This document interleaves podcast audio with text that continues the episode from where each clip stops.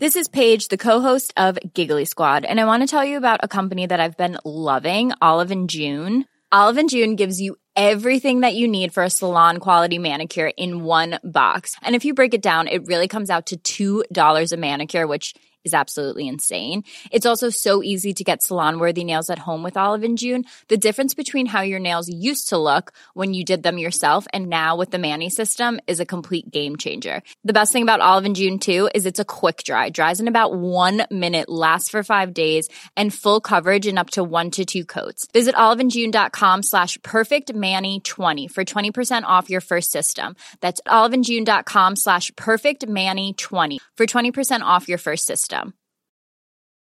Mom deserves the best, and there's no better place to shop for Mother's Day than Whole Foods Market. They're your destination for unbeatable savings, from premium gifts to show-stopping flowers and irresistible desserts. Start by saving 33% with Prime on all body care and candles. Then get a 15-stem bunch of tulips for just $9.99 each with Prime. Round out Mom's menu with festive rosé, irresistible berry chantilly cake, and more special treats. Come celebrate Mother's Day at Whole Foods Market. This Mother's Day, celebrate the extraordinary women in your life with a heartfelt gift from Blue Nile. Whether it's for your mom, a mother figure, or yourself as a mom, find that perfect piece to express your love and appreciation. Explore Blue Nile's exquisite pearls and mesmerizing gemstones that she's sure to love. Enjoy fast shipping options like guaranteed free shipping and returns. Make this Mother's Day unforgettable with a piece from Blue Nile. Right now, get up to 50% off at BlueNile.com. That's BlueNile.com.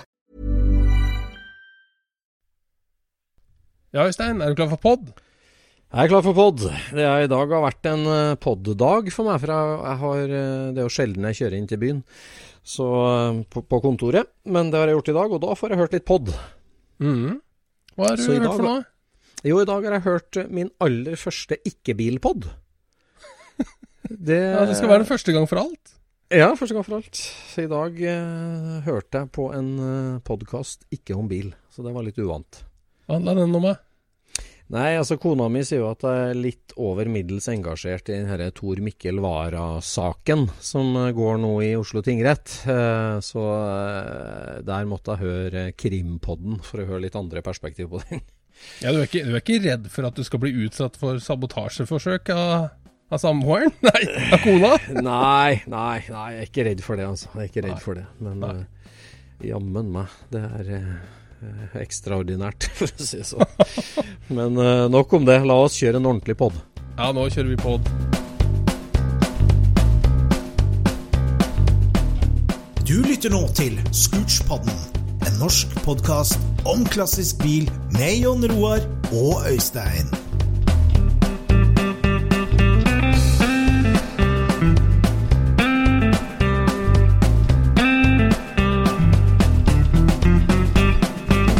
Yes! Vi er klar for en ny episode av Scootspodden. Og eh, det er veldig hyggelig å prate bil med både deg, Jon Roar, og at vi får en del feedback fra lyttere og sånt òg, så det, det, er veldig artig, syns jeg. Jeg ble jo kontakta av en som ville komme i kontakt med deg. Oi. For han mente at mm. du nok var bedre kompis med meg enn det han var. Enn en han var kompis med deg, eller med meg? Nei, Nei med, med, meg. Ja vel, aha. For han mente at uh, du må jo snart si fra til meg at jeg kan jo ikke ha skiltet der som jeg har det på 1303. Åh oh, nei, er det noen som har sluppet katta ut av den sekken? Ja, ja, og så er det jo vi som har gjort Så er det jo vi som har gjort det. Det er jo vi som har oppfordra folk til å si fra. Ja, det er jo det, men det der, det der har vi jo snakka om i årevis, men vi har jo aldri turt å si det til deg, vet du. Nei, nei, jeg vet jo det, da. Jeg vet jo det. Jeg vet jo åssen jeg blir òg, ikke sant? Ja, det Ja, nei, det Akkurat så han mente at uh, et, et, tegn på ekte vennskap, det var å tørre å si fra til og med om det, altså. Ja, ja, det er et så grovt overtramp, ja, til og med om det. Men vet du, du hvorfor skiltet sitter her, Øystein? Ja, det er, jo, det er jo samme grunn som uh, alt vi har prøvd å kritisere på den bilen. Og det er at det var sånn den var bygd når jeg var 18 år, eller når jeg var ungdom, så bygde den sånn, og derfor må den være sånn. For at det her er en nostalgitripp. Ja, det har jo vært ja, Kanskje. Men, men du vet jo hvorfor jeg gjorde det når jeg var 18, da? Det vet ikke jeg, men uh, for at vi skal gå videre, så må du forklare lytterne hvordan skiltet originalt sitter, og hvordan skiltet sitter på din bil. Ja, for det, denne bilen her er jo en, en 1303 mm. i utgangspunktet. Eh, og den har jo masse louvers, eh, ikke louvers, men eh, hva kaller man det? Lufteslisser i motorlokket mm. originalt. Mm. Og plastikk eh, skiltbelysningsnese og stort eh, toraders skilt på mm. lokket. Det er jo mm. original uh, oppsettet. Mm. Men eh, jeg var jo ikke så veldig fornøyd med å skulle ha 1303 den gangen som uh, jeg kjøpte den bilen. Jeg kjøpte jo den fordi at uh, mamma og pappa mente at jeg måtte ha så ny boble som mulig. Hvis jeg først skulle ja. kjøre rundt i sånn dritt. For du, du ønska deg en gammel en, du. Men. Jeg ville jo helst ha en gammel en. Mm. men så fant jeg jo ut at det fantes en DKK-bil i California. Altså en, en av de originale Calluck-klubbene. Der var det en som hadde rød 1303. Ja. Og den hadde skeiva baklokk fra en 68-modell. Dvs. Si at den hadde ikke de luftslissene. Og han hadde også tatt bort skiltnesa og skiltet ja. fra lokket. Ja. Så tenkte jeg det her ser jo mer morsomt ut enn originalbilen gjør bakfra. Ja. Så derfor så gjorde jeg det. Men jeg satte det midt på, for han har det egentlig et lite blått California-skilt nede på venstre side under fangeren. Ja. Så jeg gjorde jo det der egentlig mest for å liksom signalisere at den bilen her er bygd om. Det var ja. egentlig det det var. Var det, ja? Ja, ja. Så det var jo ikke for at jeg syntes det var så sinnssykt tøft, men uh, nå har Nei, det altså, liksom det blitt litt av, litt av stilen òg. Liksom, det, det, er for å gi et signal om at den er bygd om. Bakfra. Ja. Ja, men altså, det, det hadde jo ikke passa altså, Så lenge du skulle kjøre skeiva stil, så det går ikke an å ha det der uten skiltlyset. Heller, er det det? Oppe på lokket? Ja. Nei, må, nei det, altså jeg har jo tenkt på det, for det sa vi også i poden, at eh, når du får en sånn beskjed, så må du jo tenke grundig over det. Og det har jeg gjort. Det har gjort det? Ja. ja, ja, for nå lurer jeg på hvordan kan jeg få skiltet på lokket, og samtidig gi en tydelig beskjed om at denne bilen her er modifisert. Ja. Og da har da er... eneste jeg kommer på, det er å forsenke det i lokket. ja. Men der har du jo det vi snakka om i forrige pod-episode, det her er muligheten til å kjøre USA-skilt. Ja. Størrelsesskilt. Du må jo ha vært ta utgangspunkt i det, da, hvis du skal gjøre noe sånt. Ja, det hadde vært veldig gøy, da. Ja, ja. Det hadde vært det hadde drømmen, vært. det. Men um, da må du bare ha Super Beatle-badge da, på han for å hevde at det er en Super Beatle. Ikke en 1303, det er en Super Beatle. Er det noe? Ja, for da er det en amerikansk bil. Det er en amerikansk ah, ja. modell. Du må, du må ja. blande som det. ja, nei, vi får da se. Men uh, jeg er jo egentlig litt over det å ha det skiltet under der. Men uh, hvis det plager noen, så er det jo gøy. Nå lurer jeg veldig på hva slags dårlig venn vi har, da, som sendte deg det signalet via meg og via deg. det var jo Atle Berg, det. Det var Atle Berg, det. Ja. ja. Samme mann som kritiserer meg for å være for stor til å kjøre splittbuss. ja. ja, men har han, sett, har han møtt deg etter du har slanka deg så fælt, da? Eller det er, jo, mange år siden. jeg er jo for høy. Jeg er jo ja, altfor høy, vet du. Den ja, gangen så var jeg heller ikke tjukk. Nei. Nei. den gangen du kjørte split, splittbuss. Nei, det er jo 20 år siden, så det er jo Skremmende å tenke på, altså. Skremmende ja, tida går. Ja, altså Atle Berg, Atle Berg, men han følte seg ikke god nok venn til at han turte å si fra sjøl, altså. Om skiftet. Nei, han skjønte jo at det, det kommer til å være grovt fornærmende. Så derfor så måtte jeg høre det fra deg. Uff. Ja, nei, men uh, sånn er det, vet du. Hvis, du. hvis du driver på og setter ut sånne ting, ja, da må du regne med å høre det sjøl òg.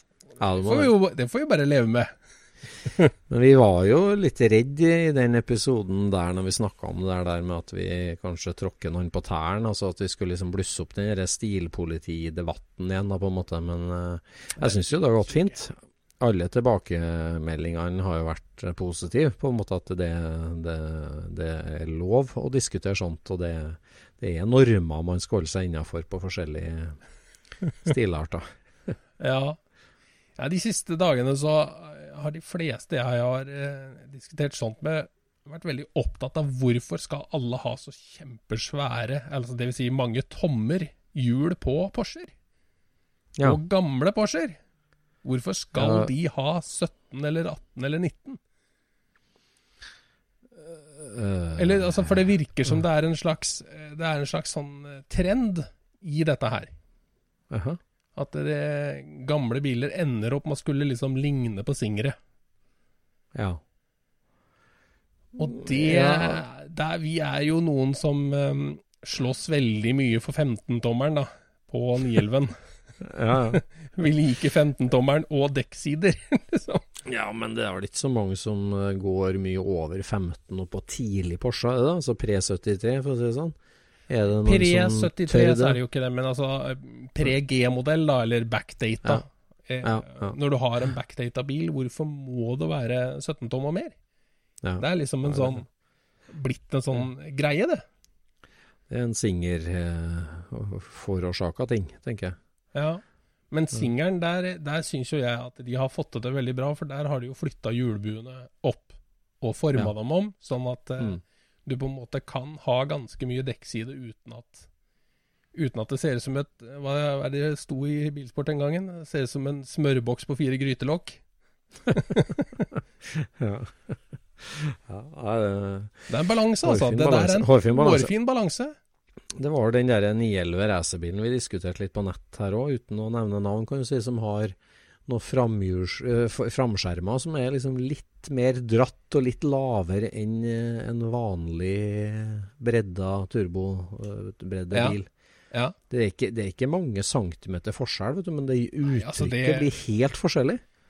Ja, altså det, du trenger ikke Det er som jeg har sagt mange ganger, at du kan se på en bil at det, her er noe som er muffins, men du kan ikke sette fingeren på det. Mm. Eh, og og noen biler ser vi etter hvert så mye på at vi veit akkurat hvordan de egentlig ser ut. Mm.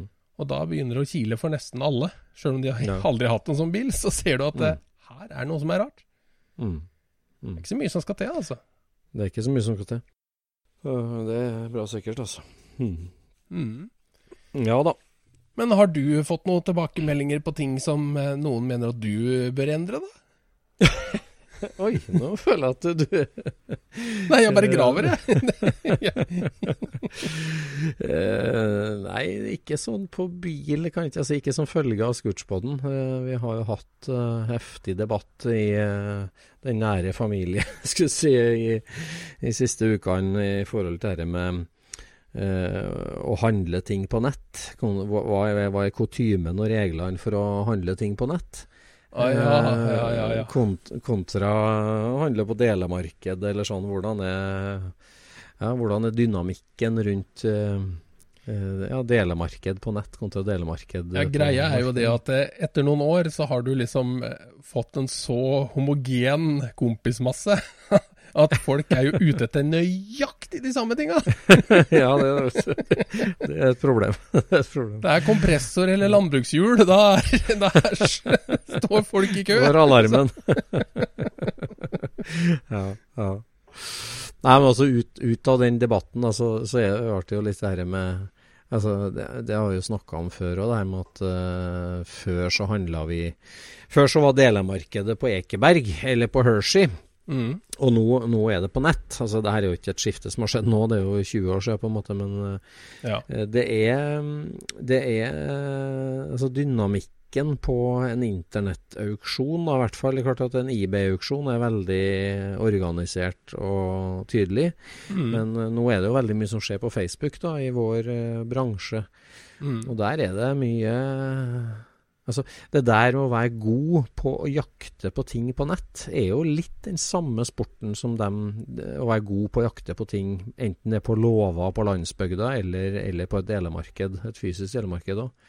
Ja.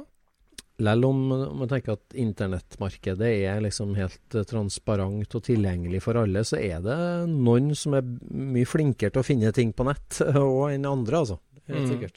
ja. Det minner meg om når jeg, eh, når jeg kjøpte gasburnersa mine. Ja. Male gasburners kjøpte jeg i 2001. Og da, allerede da så fantes det liksom internettsider som var glemt. Det var de der Ja. gamle bulletin-sakene, vet du, hvor det var Ja, ja, ja. nesten som gamle rubrikkannonser. ja. Så jeg fant sånne ting som hadde liksom ligget nede i to-tre år, og så gikk jeg gjennom de, og der fant jeg da tre stykker som skulle selge sånne felger til 1997-priser. Gjorde du det? Ja, ja, så fikk jeg kjøpt et sett av de da. Var en som ikke hadde solgt dem ennå. Men det føles jo som nå som, eh, nå som browserne har blitt så mye bedre, eller, eller kanskje nesten verre. Altså for Det virker Ja. som de siler mye mer nå enn de gjorde i gamle dager. Gjør det. Eh, så nå skal du være ganske god for å finne ting på internett som er liksom utafor allfarvei, altså. Ja, ja, ja, men altså, én ting er å finne, men for eksempel her, da. Jeg gjorde jo et uh, helt eh, ja, håpløst Eller nei, ikke håpløst, men jeg, jeg har jo en eh, Jeg har jo noen førkrigsbiler, og jeg har en 1929-modell Nash. Som er en veldig hyggelig originalbil som har uoriginale felger. Og så tenkte jeg at den skal jeg jazze opp litt med noen trådeikefelger. For den bilen hadde jo originalt Det er jo en staselig fin bil. Den hadde jo originalt treeikehjul. Og, og det er jo en sånn litt sånn billig versjon som ofte har brukt på biler solgt i Norge. Eh, I USA så var det veldig mange som kjørte ståleikehjul som ekstrautstyr på de pre-1930-bilene. Så fant jeg ut at eh, Chevrolet har samme boltsirkel, og så er det en One Year Only Chevrolet-felg fra 1931, som er en 19-toms ståleikefelg. Mm. Og det å finne fem like og fem bra sånne Chevrolet-felger, det har vært en skikkelig labyrint. Altså, I forhold til Ford så er jo det bare et knips, så har du funnet noen originale Ford-felger. Men Ja. Chevrolet var det vanskelig. Og jeg samla og samla og kjøpt feil, og de har sagt at det var 19 tom, og så kom det og var 18, og så kom det og var 17. Så jeg har vært gjennom mange frosker som har kyssa, men nå har jeg funnet fem uh, hyggelige prinser, skal jeg si Ja. som er, bra felger. Så de sto nå klart. De er nyspylt og klar for Ovatrol og skulle på bilen. Mm. Og så sitter jeg og blar gjennom noen Finn-annonser. Eh, det her ble jo en lang, tullete historie, men det her handla om eh, hvordan det går an å jakte på nett. Og så sitter jeg og blar gjennom noen Finn-annonser på noe helt annet, noen noe Ford-deler. Mm. Eh, og blar, og det er en sånn annonse med 46 bilder, og jeg sitter og flikker gjennom bildene, og det var liksom litt sånn kjedelig nye deler av forskjellig sånn. Plutselig, i bakgrunnen på ett bilde, så stikker det fram en stor trådekkefelg til en førkrigs amerikansk bil. Jaha. Helt bakerst på et bilde, det var ikke en del av annonsen på noe vis, men en fyr hadde dratt ut noe drit i garasjen og tatt bilde av. Og der dukka det opp noen felger, og de bare forstørrer bildet. Og det her er jo kjempekule felger. Det er jo skrudde eiker, det er ikke sveisa eiker, de er nydelige. Sender han en melding. Hva er det for noe der? Jo, det, det er 21 toms stråikefelger med løs felgring til en førkrigsamerikaner. Ja, hva slags boltmønster? Jo, det er seks bolt på 5,5 tom sirkel. Smekk! Nash-boltsirkel. Ja, skal du selge dem, da? Ja, jeg har tenkt å annonsere dem, om jeg driver bare og drar og rydder opp etter onkelen min, så jeg driver og drar fram ting. Og så blir vi enige om handel og billig, eh, eller ikke billig, han, han ville ha litt for dem, men eh, så får jeg kjøpt dem. Så nå skal jeg selge alle de Chevrolet-felgene jeg har brukt eh, to, et år på å samle sammen. Men, Men, eh, Øystein, nå prata jo vi akkurat om å ikke sette for svære felger på en bil. Så går du fra 19 Ja. til 21 i neste mening. Ja, men den bilen har 21 toms originalt. Ah, okay. Så jeg var i ferd med å gå litt ned. Ja, det var og det var bare, ja, ja, Så det her ble det ideelt. Det ble riktig dim og ja. Ja. Men altså der, da, ikke sant. Det er jo sånn Det er jo samme som du går på, på Ekeberg og ser en trekasse med noe greier, og det er bare dritt på toppen, og du er den som bøyer den og løfter på det, og der ligger det et empiratt, liksom. Men Ja, ja, eh, ja. Men eh, bakgrunnen på Finn-annonse på bilde nummer 38 av 47, der var det superfelga til meg, altså. Ja, ikke sant?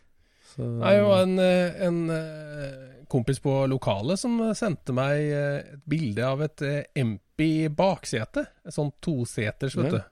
De er jo kule greier. det er kult. Og hønetenner. Sjeldent. Sånn Og det visste, jo jeg, det visste jo jeg egentlig at eh, PT ikke visste. At dette er Ja. sjeldent. Han syntes jo bare Ja. det var kult, og det er jeg jo helt enig med. Ja. Eh, Hvor får jeg tak i dette her, spurte han. ikke sant? Ja, Så fant ja. jeg et til salgs på nettet til 15 000 kroner. Litt mer enn han hadde tenkt. Men De lages jo repro, ikke sant? Jo, de gjør det, men da, da ser det ikke helt like ut. Men det fins helt sikkert noen som lager det helt riktig òg, men det er vanskelig å annonsere, tenker jeg. For da er vel Empi på der, kanskje? Ja, det kan Jeg veit ikke. Ja. Akkurat så 15, ja, det er jo drøyt. Det er jo bare et plastikkskall der, der, ikke sant? Ja.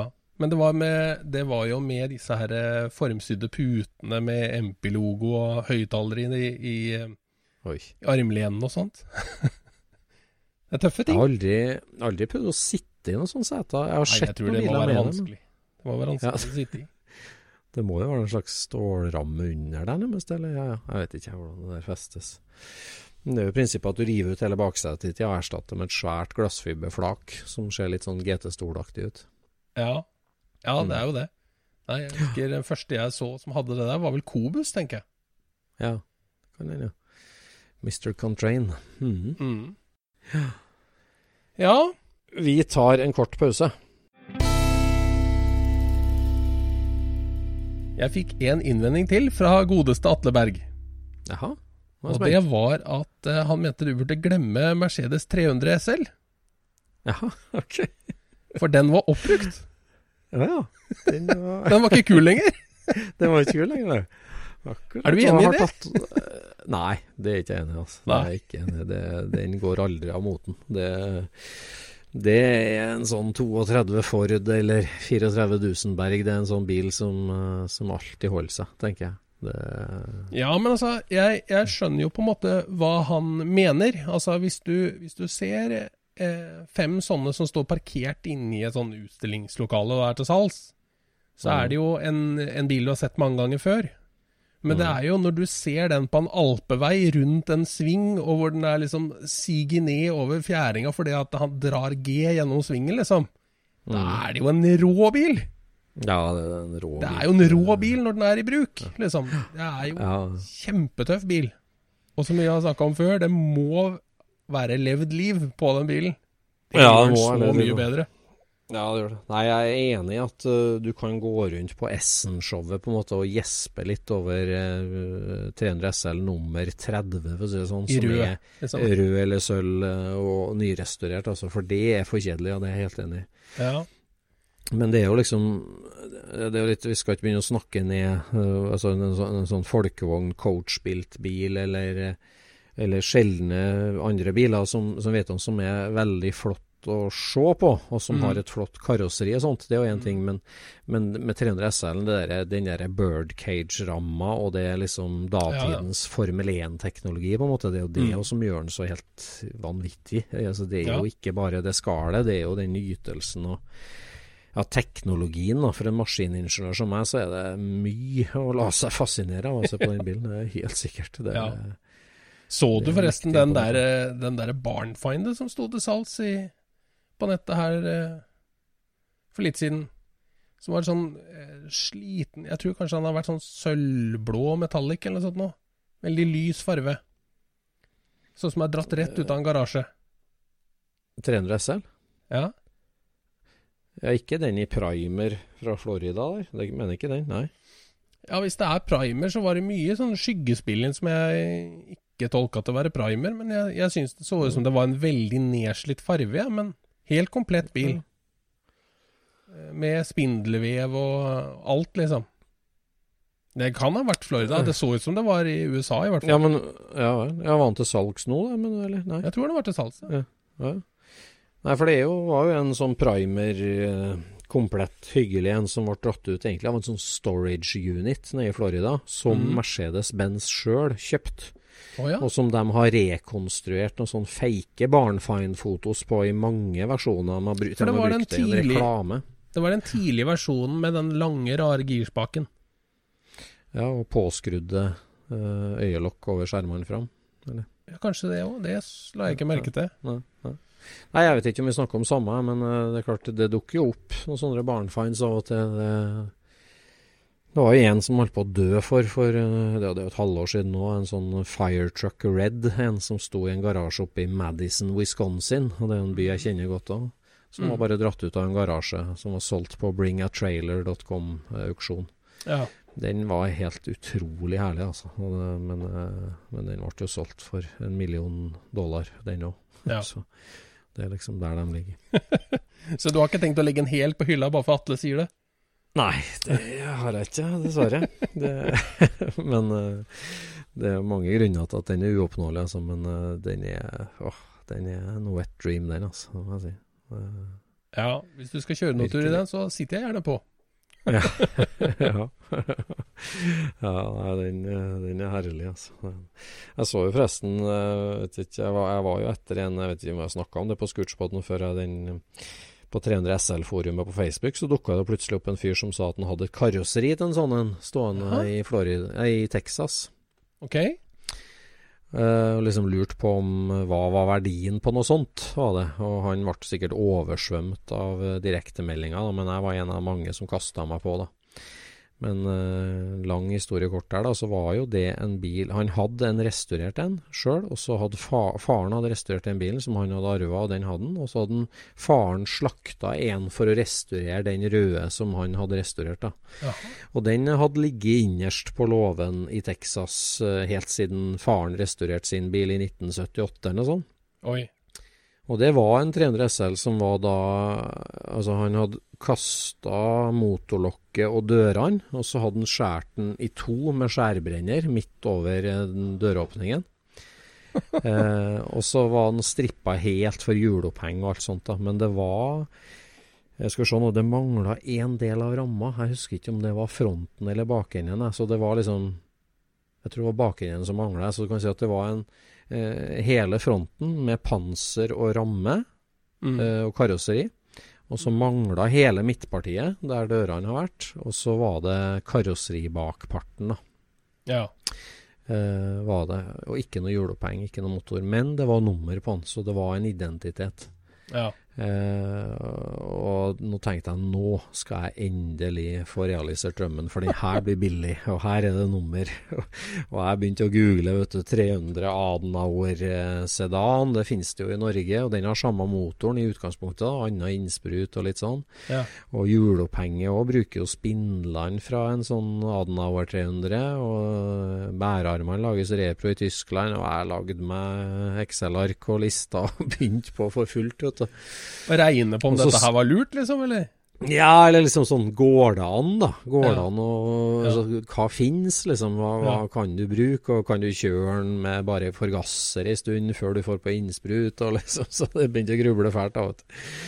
Men uh, det var jo noe forvridde rester. vet du. Vi får legge ut bilder av det der. Men, uh, men så starta budgivinga, vet du. Og starta på 50 000 dollar. Eh, Ja. Det var en, en som åpna der, da, på 50 000 dollar. Ja. Eh, og da var det liksom sånn, OK, skal jeg begynne å selge den og den og den og den og den for å kjøpe et halvt skall med et nummer på, liksom? Eh, nei, jeg har ikke så lyst til det. Så jeg datt fort, fort av der, ja. Men eh, den ble jo altså solgt til HK Engineering i Tyskland for 220 000 dollar eller noe sånt. Oi, oi, oi! Helt, helt vilt, vet du. 220. Og den har jo de lagt ut bilder av på Instagrammen sin, eh, der de driver bygger opp igjen. Så den, de har bygd ramma ferdig. De hadde jo, har jo jigg, de bygger ramma i. De bruker mye av Det blir noe annet. den- Det blir noe, et annet regnestykke for de. Det blir et annet regnestykke for dem. Så øh, ja. Nei, det var en avsporing, egentlig. Men uh, jeg er ikke forberedt på å legge Jeg tror på den uh, forlatte bilen i en uh, gammel låve oppe i Idaho, eller noe sånt. Ikke i Sokna, altså. Nei, nei ikke sukna. Det tror jeg ikke. Der lager jeg vel bare tilhengere, vet du. Ja, det gjør. Ja, ja. Nei, jeg har vært og gjort et kupp i dag, vet du. For jeg driver jo stadig og oppgraderer garasjeanlegg og sånt. Det har jo slått meg det at jeg har jo altfor lite kontroll på de deler, vet du. Altså delelageret ditt. Det er sånn øh, Veldig mange bilsamlere jeg kjenner, vi vi samler biler og trør inn i alle ledige areal og garasjer og låver vi har. Og ja. så styrer vi fælt til å få til et brukbart verksted, liksom sånn. Men delene dine det, ja, Du har jo en låve der men du har en sånn 1,5 meters dekke på hele gulvet. ikke sant? Det er et fjell av deler som ligger stabla. på en måte. Mm, ja, vet ikke. Nei, du Nei, du har jo litt reolsystem på deler. Jeg har faktisk har eh, ja. Altså, for noen år siden så skulle jeg gitt deg rett. Men nå har jeg faktisk fryktelig mye reoler. Ja, Skal jeg ikke si at det er så veldig organisert i de reolene, men eh, det er ganske mange kvadratmeter med deler. Det er det. Nei, men der sa du det. Reoler. Det var jo det, det å få opp ordentlige reoler og få sortert litt i stedet for å ha det i kassa og i haug. Da. Det, mm. det, er så deilig. Så det driver jeg med et prosjekt nå. Jeg har satt opp mye reoler og sortert mye. Så var jeg i ferd med å skulle kjøpe meg en haug med reoler. Ja. Helt til da min bedre halvdel Heidi legger ut at uh, Kremmerhuset på Jessheim skal bygge om butikken sin og skulle gi bort 60 meter med stålreol skulle gi bort gratis. Må hentes akkurat da, akkurat da vi bygger om butikken. Ja. Og jeg bare kasta meg på telefonen og ringte tvert. Jeg tar alt. Jeg tar alt. Jeg bare, Hæ, tar du alt? Vi hadde tenkt det tok lang tid å bli kvitt alt dette. Ja, men det er jo kjempefint! Det er kjempefint. uh, sier hun da. Og så ja, jeg kommer og tar alt. Og der var jeg altså for en par dager siden og henta, og det var mye, altså. Og jeg løfta jern til den store gullmedalje. Ja. Så nå driver jeg og monterer enda mer og det var sånn superbra type òg, vet du. Så nå er det ja. Men kunsten der, Øystein, det er jo å ha plass til alle de gode kuppa. Ikke sant? Man, ja, man, er nødt til å ha plass til uh, tosøyleren før man drar og henter den gratis. ja, det er, det er, sant. Det er sant. Ellers man bruker man ja. et helt liv på å bære rundt på ting. ja, det er sant. Det er sant. Nei, jeg har jo fått eh, flytta mye av bilene i, i godt uh, ly, sånn at jeg har litt kvadratmeter ledig til å systematisere deler nå i låven her, og det er jeg veldig fornøyd med. Så det blir jo ja, du er jo stadig overraska over å åpne en kasse til sortering og bare jøss, yes, det her er jo som å være på rene Ekebergmarkedet. og blar gjennom. Ja. Nei, jeg hadde jo det når jeg pussa opp 1303-en eh, her nå etter at den hadde vært vekk i mange år. At eh, jeg, jeg var jo høyt og lavt og prøvde å finne bra deler til den. Og så ja. fikk jeg det tak i litt forskjellig, og så og så når jeg står da og skal begynne å slipe det ned for å lakke det, så ser jeg liksom at her er noe greier, og her er noe greier. Så jeg drar hjem og kikker i låven. Så finner jeg noe bedre greier der. ja. og noen ganger så var til og med de tinga jeg plukka av bilen i 1995 bedre enn de tinga jeg hadde kjøpt. ja, for da kjøpte du repro da mye, eller? Ja, den gangen? Ja, ja, ja. ja. Nei, da fikk jeg jo sånne eh, råd som man gjør som en ung eh, bilentusiast, vet du. At ja. eh, du gidder ikke å betale en lakkerer for å rette bulker i originalskjerma. Du bytter jo de ut med veng. Det sparer du penger på. Ja. Og det gjorde jeg. Og nå er de vekk. Ja. nå er det originalskjermer igjen. ja, ja. Altså du bytta tilbake til originalskjerma nå? Ja, nå ja. Ja da. Ja, ja, ja jeg skjønner. Nei, vi tar en kort pause.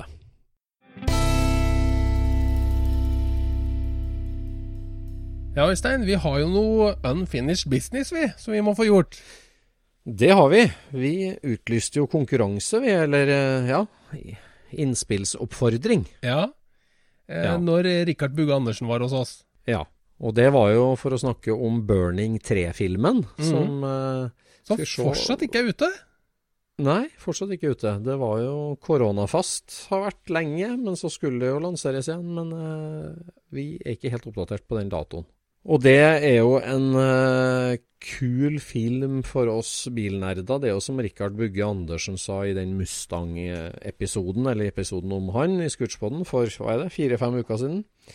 Der eh, det er jo vår generasjons Eller ikke vår, men det er neste generasjons Flåklypa Grand Prix. Ja, det stemmer. Eh, Burning-serien. Eh, og nå kommer altså treeren, der eh, Norge utfordrer Tyskland. Mm. Ja, Det og er der, de har jo vi uh, hatt litt i bakhodet når vi har uh, kikka på de innsendte også. Ja. At, uh, at det er artig med neste generasjon. Ja, det er sant. Det er sant. Vi fikk eh, flere artige innspill. Ehm, men det var ett innslag som, eh, som vi syns utmerka seg. Mm. Og det var ingen andre enn VV-Markus på Facebook. Markus Trones i virkeligheten. Han er født i 2004, så det vil si at han er 16 år gammel. Mm. Og går til de grader i sine fars fotspor. Eh, Totto Trones, som eh, har vært med i folkevogntralten i Trøndelag og Norge helt siden han var 18, eller i hvert fall tidlig på 90-tallet. Eh, og, og har jo da to eh, kjekke sønner. Og eldstemann der, Markus, han eh, er jo helfrelst på folkevogn. Jeg syns jeg så han drev og jobba på ei båndplate, jeg. Driver og bytter gulvhalvdeler på ei båndplate? Ja, han Markus, han eh, Du vet han Totto. eh, Han er jo en av eh, hva er de, tre-fire brødre som alle er bilinteressert. Og han Totto, han var jo tidlig ut med litt sånn Resto Cal-type bil. Han fikk jo tak i en sånn Seblau 66-mal i Ja. ja, 19, 1993, kanskje. Ja. Som var håpløst opprusta. Og han eh, i, i hermetegn restaurerte Nei, han restaurerte, han gjorde jo det, han tok den fra bånn, men det var jo med enkle midler, sånn som det var når vi var 18, Ja, ja, ja. alle sammen. Eh, og det ble jo en kjempekul sånn restolykkersak med noe turkis side på den mørkeblå Seblau-bilen, 66, med Han var jo egentlig veldig tidlig ute da, vil jeg si. Ja da, veldig tidlig ute med det. Eh, med mye krum og lik senking rundt om, og krumma 356-kopifelger rundt om. Og skikkelig tøff bil var det. Mhm. Som Jorden en Totto eh, Ja, vi hadde jo en sånn tråd på VV Norge i sin tid med Signature Car, den bilen folk forbinder deg mest med. Ja. Og han Totto solgte jo den 66-en etter hvert, og har vært gjennom mange biler siden da. Men, eh, men eh, det er definitivt hans signature car, den der 66 Resto Cal-bilen. Det er det. Jeg husker den jo best for Så- en eh, gul 1303 på Mantorp, jeg da, men Ja, gjør du jeg har nok jeg, ikke, jeg har nok ikke sett den der, jeg. Ja, det har kanskje ikke. Nei, den var, vært, den var jo med på en del av de treffa sørover òg, når vi begynte å kjøre sørover fra Trondheim da i 596, kan du si. Mm. Eh, ordentlig tøff bil, som, eh, men som sagt, den var jo lappa sammen eh, med det som var til rådighet da for en ung mann i Trøndelag. Så den varte jo ikke evig, så den ble jo solgt som en litt sånn utslitt bil. Ja. Og han Markus han er jo så ivrig at han eh, hadde for seg at den bilen skal han finne igjen, og den skal han bygge opp igjen. Og han leita og han leita, og han fant den. Det vil si han fant uh, bunnplata og dørene. Det er jo det han har funnet. Ok. Eh, Men er i ekstase over det, og har fått tak i en donorbil, og er nå i full gang med å bygge opp fars gamle lykker. Ja. Så, Ja, men det Så må det er vi jo sette helt pris konge. på. Ja, det setter vi pris på. Det som vi setter enda takk pris på, nesten, det er jo at han Markus han sendte oss jo et innspill og ville egentlig nominere sin far da, til å få Ja, ja, ja. Ja. Fordi at uh, han har vært entusiast i mange år og er en uh, snill pappa og en, uh, en folkevognforegangsfigur. Men vi har bestemt oss for at uh, det er Markus som skal få uh, alle memorabiliaen fra Burning-filmen. Nå, nå er det litt forskjellig der, så du må være snill, Markus, og del med far din. ja. Ja, det må Men, være uh, bra. ve veldig artig innspill, og det er bare å logge seg på Instagram-kontoen til VV-Markus og følge med på restaureringa av fars 66-mile. Veldig artig sak. Ja. Bra. Så, så da blir det en postpakke til Nord-Trøndelag, eller gamle Nord-Trøndelag, med, med Burning 3 signerte effekter fra Rikard Bugge Andersen. Tøft. Ja. Et annet tilbakevendende innspill er jo disse her eh, barnfinds-historiene dine. Om- Ja, og dine. Vi har vært igjennom begge. Jo, jo, men dine har liksom mer schwung over seg, på et vis. Ja, jeg vet ikke om det, men det, det er jo ja, det er veldig artig med, med barnfinds. Men har du Har du en sånn historie fra USA, eller? Ja da, det er mange fra USA, og en som vi snakka litt om her, da, som, eh, som skulle ha vært eh, snakka om, det er jo en, eh, en, veldig tidlig Porsche. En 1950-mile Porsche som, som jeg fant og henta i Colorado for snart 20 år siden. Ja. Den historien er jo litt artig. liksom Eh, anskaffelsesmessig. Den er jo artig, for at den bilen i dag den står jo hos eh, Wolfgang Porsche i Østerrike. Ja. Sin eh, pri private samling. For hele den Porsche-familien har jo Eller mange av dem er jo veldig interessert. Så Wolfgang er jo en av de siste gjenlevende i den generasjonen under Ferdinand. Da, og, eller, ja, under Ferdinand. Og og han har sin egen samling med biler, og der står den Radium Green, uh, chassisnummer 5355. Uh, den står der nå. Den bilen uh, husker jeg godt på fra min encounter med si da. For den historien starter jo med det at jeg gikk på høyskolen i Trondheim. Og så var jeg til USA flere runder underveis og bestemte meg for at Texas er, det er eh, staten å lete biler i. Mm -hmm. Texas, hadde, Texas hadde masse penger i etterkrigstida, for de pumpa mye olje der. Så det var rike farmere som kjøpte olje, så de kjøpte uh, veldig mye bil i Texas. Mm. Og så er det veldig varmt der og fint. Veldig fint og tørt og fint klima. Og så har ikke det vært så mye svensker der og kjøpt klassiske biler som det har vært i California. okay. så, så midt på 90-tallet ble jeg veldig bestemt på at jeg må komme meg til Texas. Så jeg gikk inn på kontoret til utvekslingsstudentavdelinga på NTH da, og sa at jeg vil være utvekslingsstudent i Texas. Ja. Så en lang runde fikk jeg til det, og flytta til, til og begynte som student på University of Texas at Austin i 1998.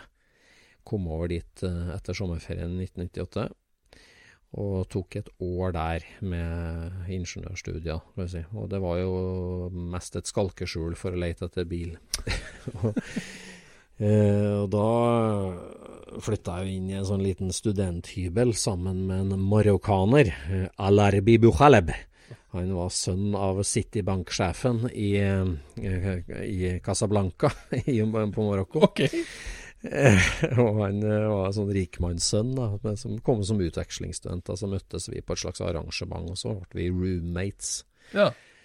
Og han visste jo ikke hva han hadde dratt på seg, vet du, for jeg begynte jo å handle bildeler. Begynte å fylle opp den lille leiligheta med bildeler. Så det var jo det var to 25-hestersblokker langs stuebordet, husker jeg. Forskjellig. Så, men det, jeg bodde i hvert fall sammen med han. Og, Samla han bil, eller? Det var kanskje ikke derfor han var Nei, nei, nei, nei han, han, han, var her for å studere. Han ja, okay. studerte økonomi. Kjedelig, da. Ja. ja, ja. Altså, jeg bodde sammen med han, og så kjøpte jeg meg jo en, en Thunderbird, en 94 mile eh, Thunderbird, ja. som jeg kjørte rundt og jakta bil på. Det får vi komme tilbake til senere, kan jeg si, alle de der Texas-rundene. Men Texas er en fenomenal stat å jakte bil og bildeler, altså, for det det er jo sånn eh, som det er ofte i USA, da, at når det går veldig bra på et sted, altså de finner kull, eller de finner gull, eller de finner olje, kan du si, så, blir, så bygges det opp små samfunn rundt det, og så er det tomt, så blir de forlatt. Ja. Så helt sånne abandoned småbyer da, finnes det masse av, spesielt i Vest-Texas, kan du si, oppover The Panhandle, altså den delen som peker mot New Mexico og Arizona. Ja.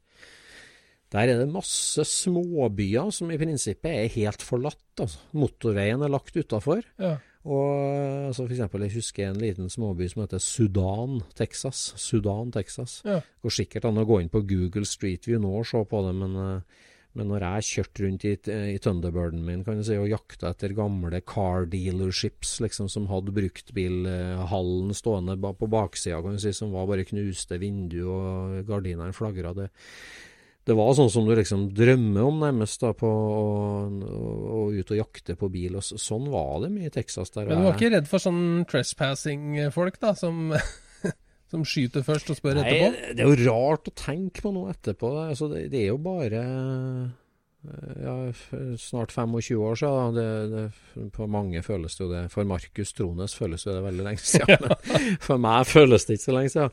Men altså, det var jo ikke mobiltelefon da. Og, og jeg kjørte jo bare rundt. Jeg følte meg helt trygg, altså. Det må ja. jeg si. Aldri, jeg hadde ikke noe pistol i hanskerommet. Og jeg for jo ofte alene òg. Ja. Jeg fikk jo etter hvert en del venner. Jeg fikk jo veldig god venn da i en, en, en annen økonomistudent fra Peru, som heter Jorge Ugarte de Gambetta heter han. Han er en veldig kjekk kar. Ja. Han har slått seg opp stor som aspargesfarmer, han hjemme i Peru nå etterpå.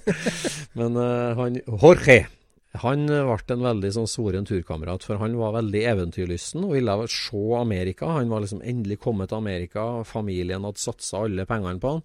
Han var en veldig smart student, han elska å på en måte være på eventyr. da, Og så var han, var han jo veldig økonom. Han, altså, han, jo, han, ble jo bankmann etterpå, så han var veldig sånn på å regne på disse delene. at Vi fant jo mye deler, ja. vi kan komme tilbake til det. Og liksom sånn eh, Ja, pop-outs til tidlig boble. Sånn ja, nå kjøper vi seks seks par her, ser jeg, for 100 dollar. Hjemme i Norge så selger jeg ett par for 150 dollar. Ja. Og han gjør matten og Dette er jo kjempesmart, liksom. Øystein, du må slutte å kjøpe biler. Vi må bare kjøpe deler, skal det bli penger av det.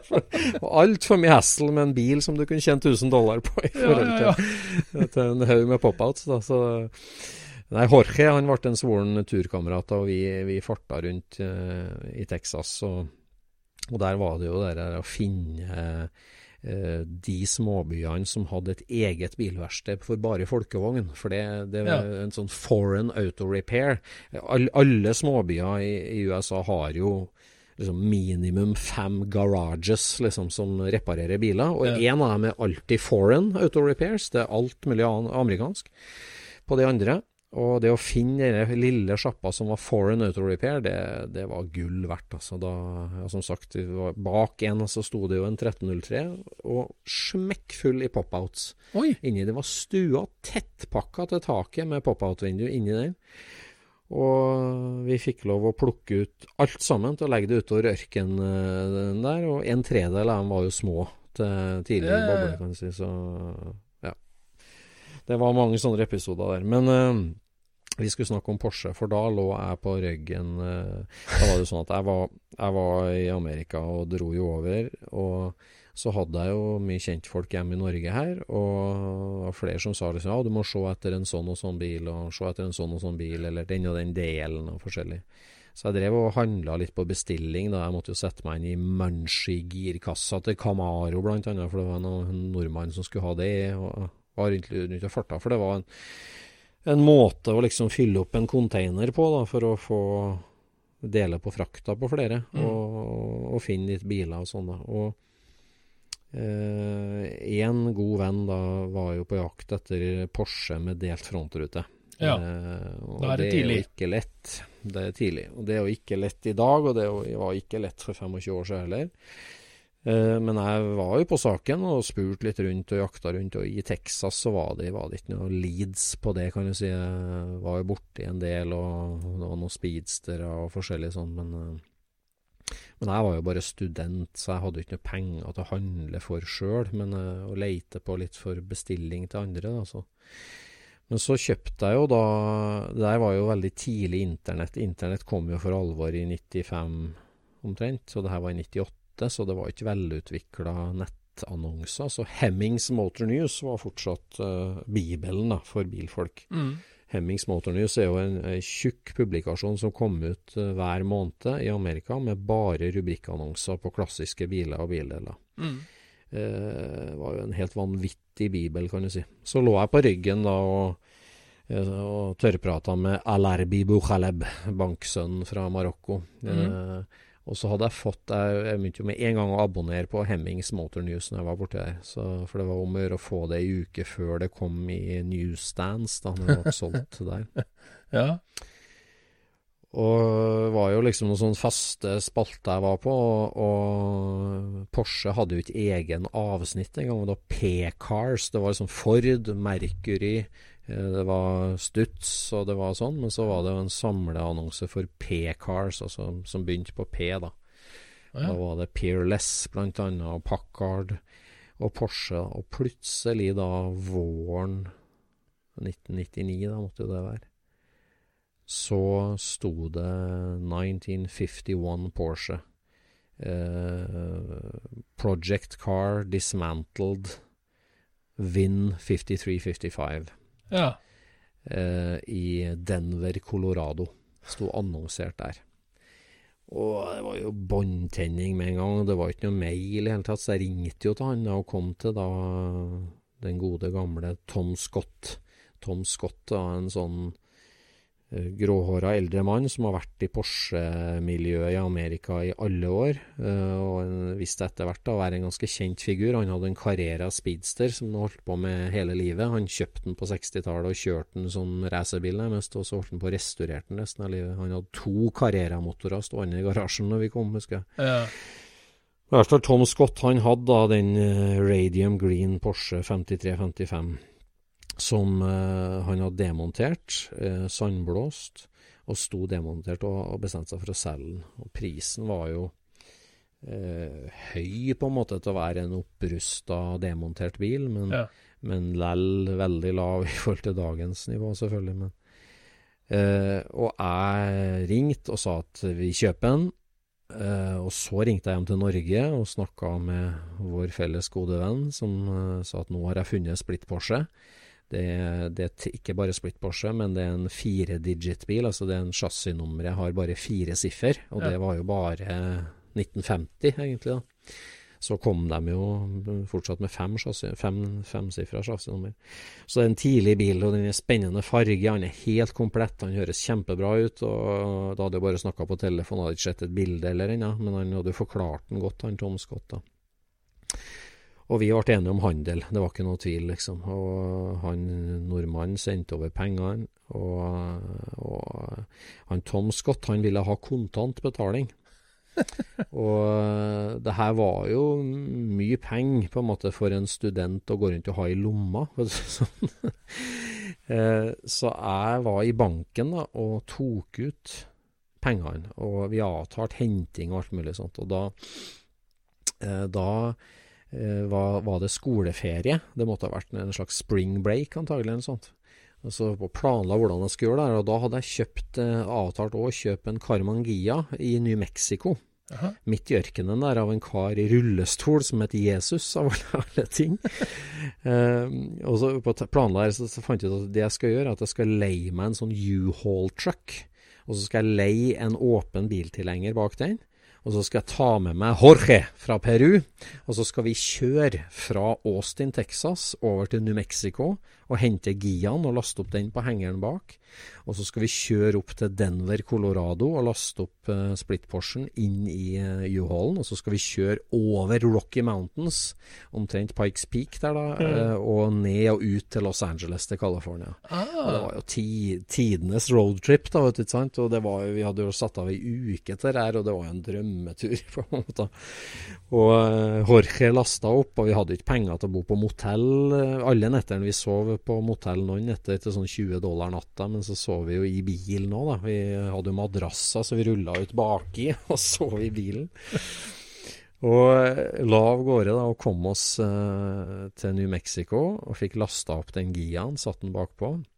Og da tenkte jeg at nå skal jeg, eh, nå skal jeg gjøre noe kupp underveis, så jeg lagde et sånt pappskilt som jeg skrev 'We buy old VVS' på. Så jeg teipa fast på, bak på skiltramma på den Giaen og bak på hengeren. ja. Så vi kjørte jo av gårde da, med 'We buy old VVS' bakpå, og en Gia, da, en sånn matt, sliten lyseblå Gia bakpå. ja. Eh, og så kom vi oppover New Mexico. Der er det spesielt er to episoder jeg husker vi nærma oss Roswell, New Mexico, den Ja, ja, ja. ufo-byen. Eh, der var det jo et par veldig spennende bilopphuggeri som vi skulle innom der, da. Som bl.a. ei 47 boble, husker jeg, som sto der på et bilopphuggeri.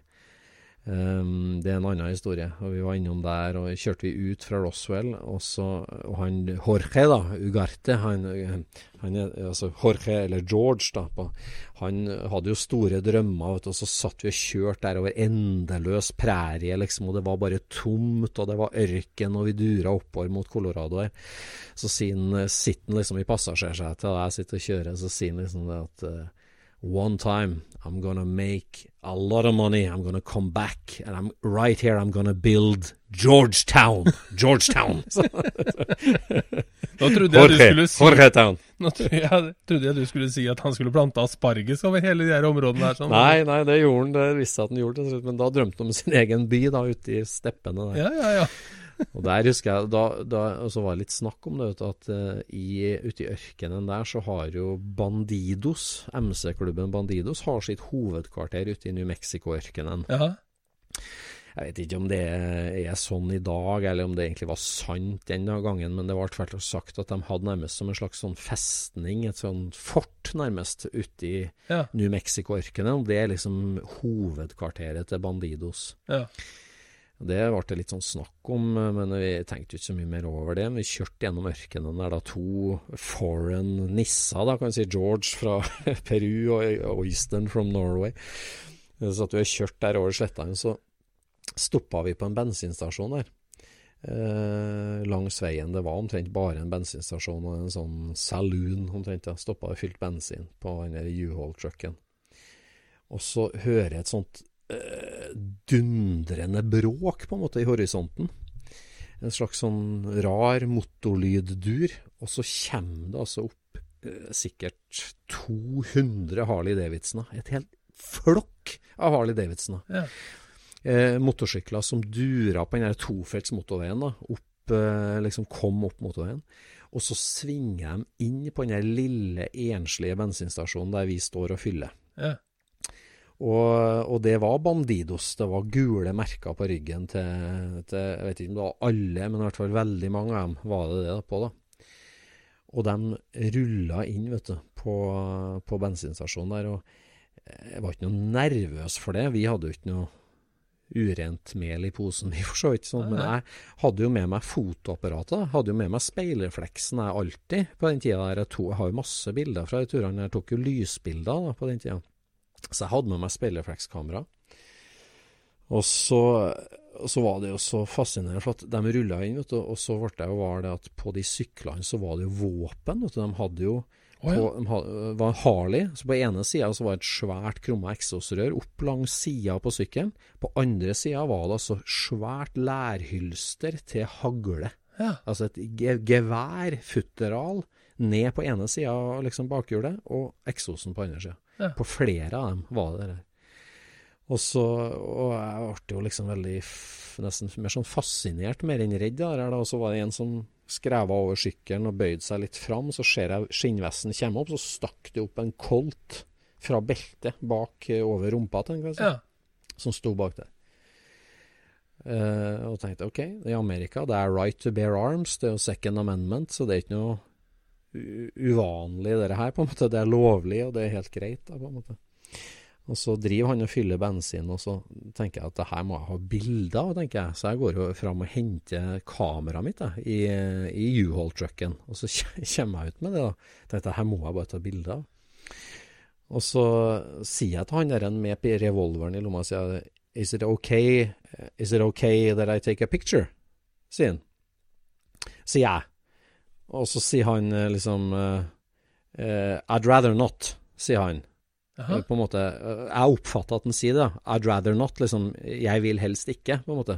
Og så sier jeg, så hørte ikke jeg liksom helt sånn Oh, you'd rather not, sier jeg liksom. Eller sånn Eller, eller sånn But is it okay? Eller noe sånt, sier jeg. Og så, så bare slipper han tankere og snur seg mot meg og peker meg. No, no, you rather not! Han. liksom peker på meg i trynet. det var ikke det liksom at det, det, det, det, han, han svarte ikke. Det er stor forskjell på den nyansen her. I'd rather not, eller you'd rather not. For at det, sånn, hvis jeg oppfatta han, så var det mer sånn Jeg helst ikke. Men sånn Du bør ikke. Det var det han sa.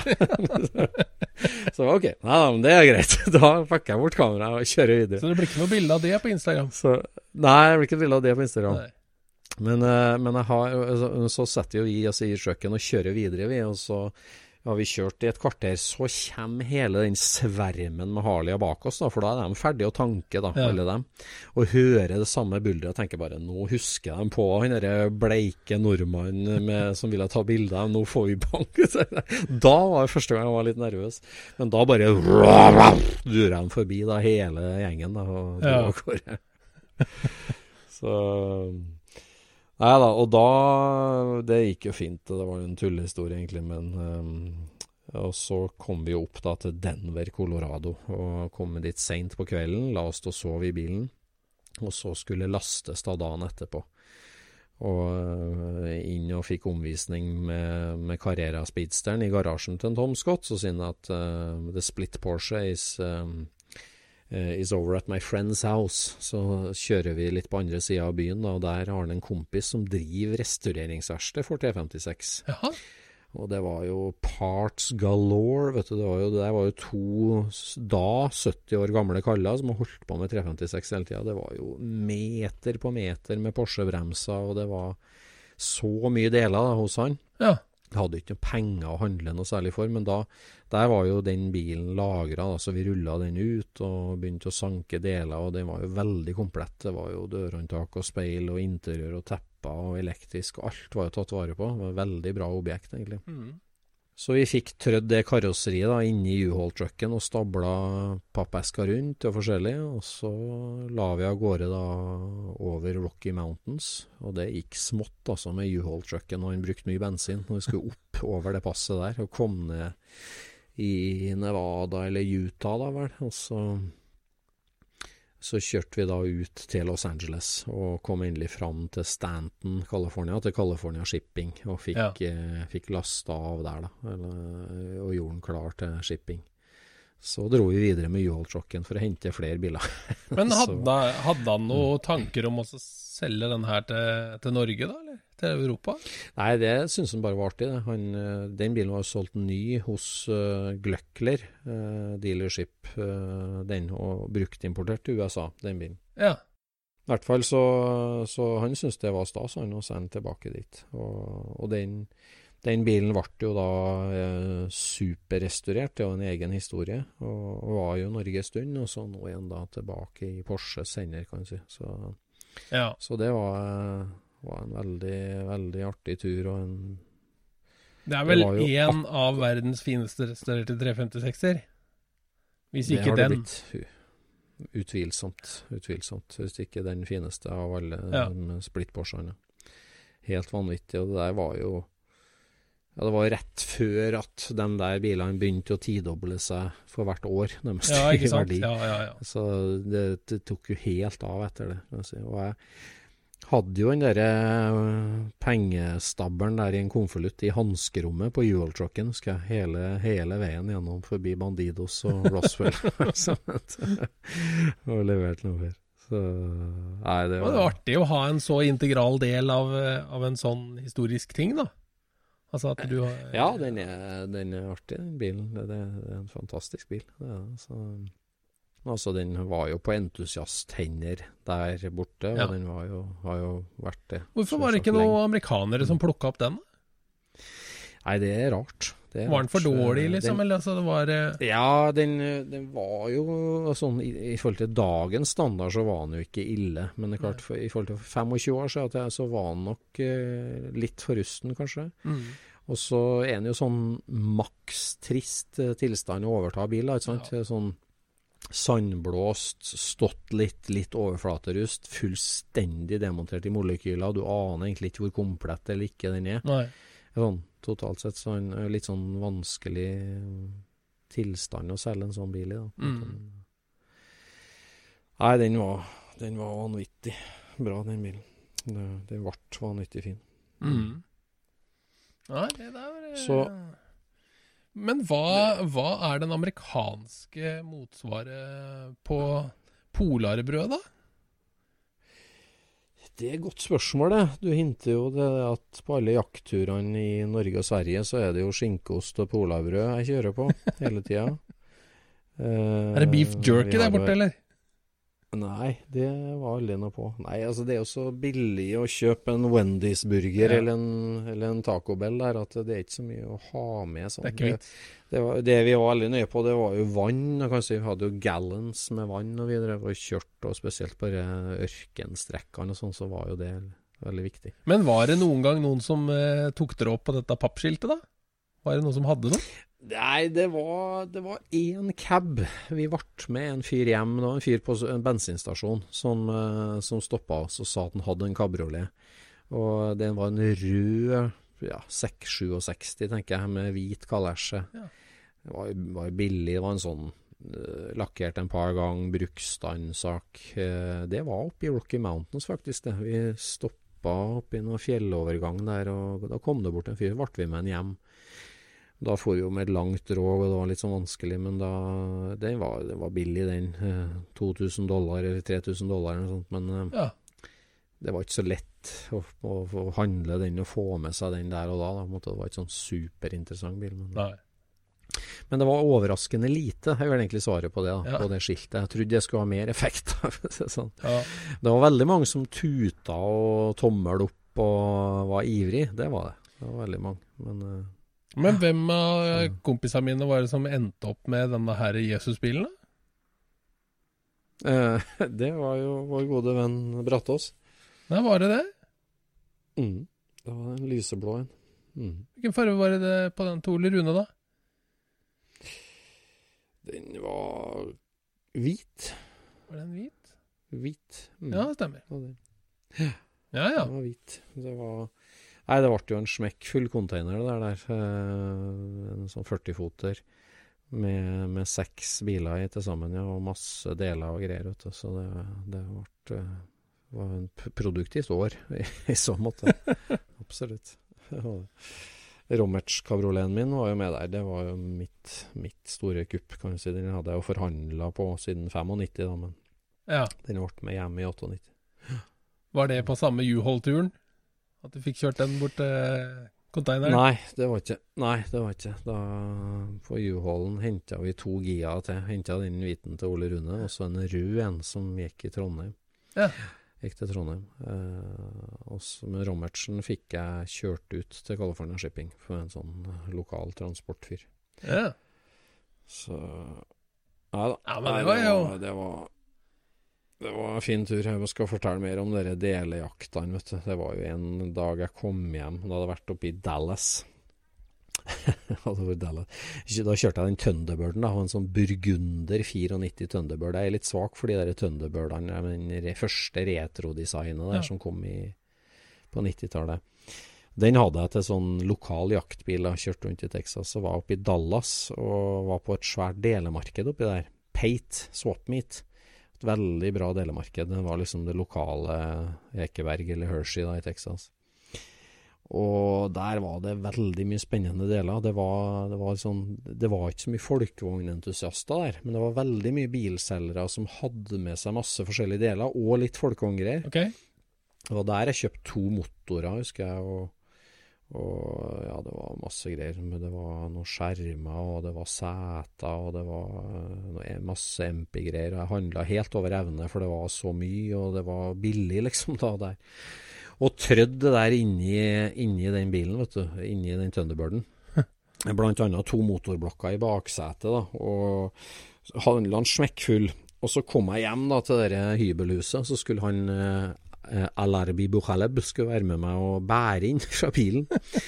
og så eh, Det vi jo bærte inn Han var med fra, han var greit, liksom. Han hadde ikke noe å drive med, egentlig, så han hjalp meg å bære inn. Og så lukka vi døra og bærte inn en last. Kom vi tilbake og skulle bære inn enda mer, og da hadde jeg kjøpt mye gamle kasser med forskjellige ting. Så, så åpna jeg døra, så løper det to svære mus rett ut av bilen og over dørstokken og ned på parkeringsplassen. Og rett foran beina våre. Så da hadde det vært med to mus oppi den ene delekassen fra det delemarkedet, som har vært med bilen hele veien. Alarbi var ikke imponert. Nei. Nei, nå ble det for mye uh, Ja, ja, ja. Nei, men det er artig, det. Ja. Det er bra med litt, uh, litt roadtrips og, og sånt nå. Det må vi Vi må prate mer om det framover. Vi skal prate mer om det. Vi skal prate mer om det. Da er vi veis ende på dagens pod. Ja, det er vi. Vi, nå skal vi ut og ha en del gjester framover, og booka inn et veldig spennende program på det. Så det er mye å glede seg til i høst Absolutt. på Scootspoden. Yes. Takk for i kveld. Ha det bra. Scootchpoden produseres av SSE Media, med god hjelp av VV Norge og Trond Dahl for hosting, Knut Micaelsen for musikk. Abonner på Scootchpod via podcaster eller Acast, og følg Scootchpod på Instagram og se det vi snakker om. Der kan du også komme med kommentarer og innspill, og fortelle oss hva du vil høre om.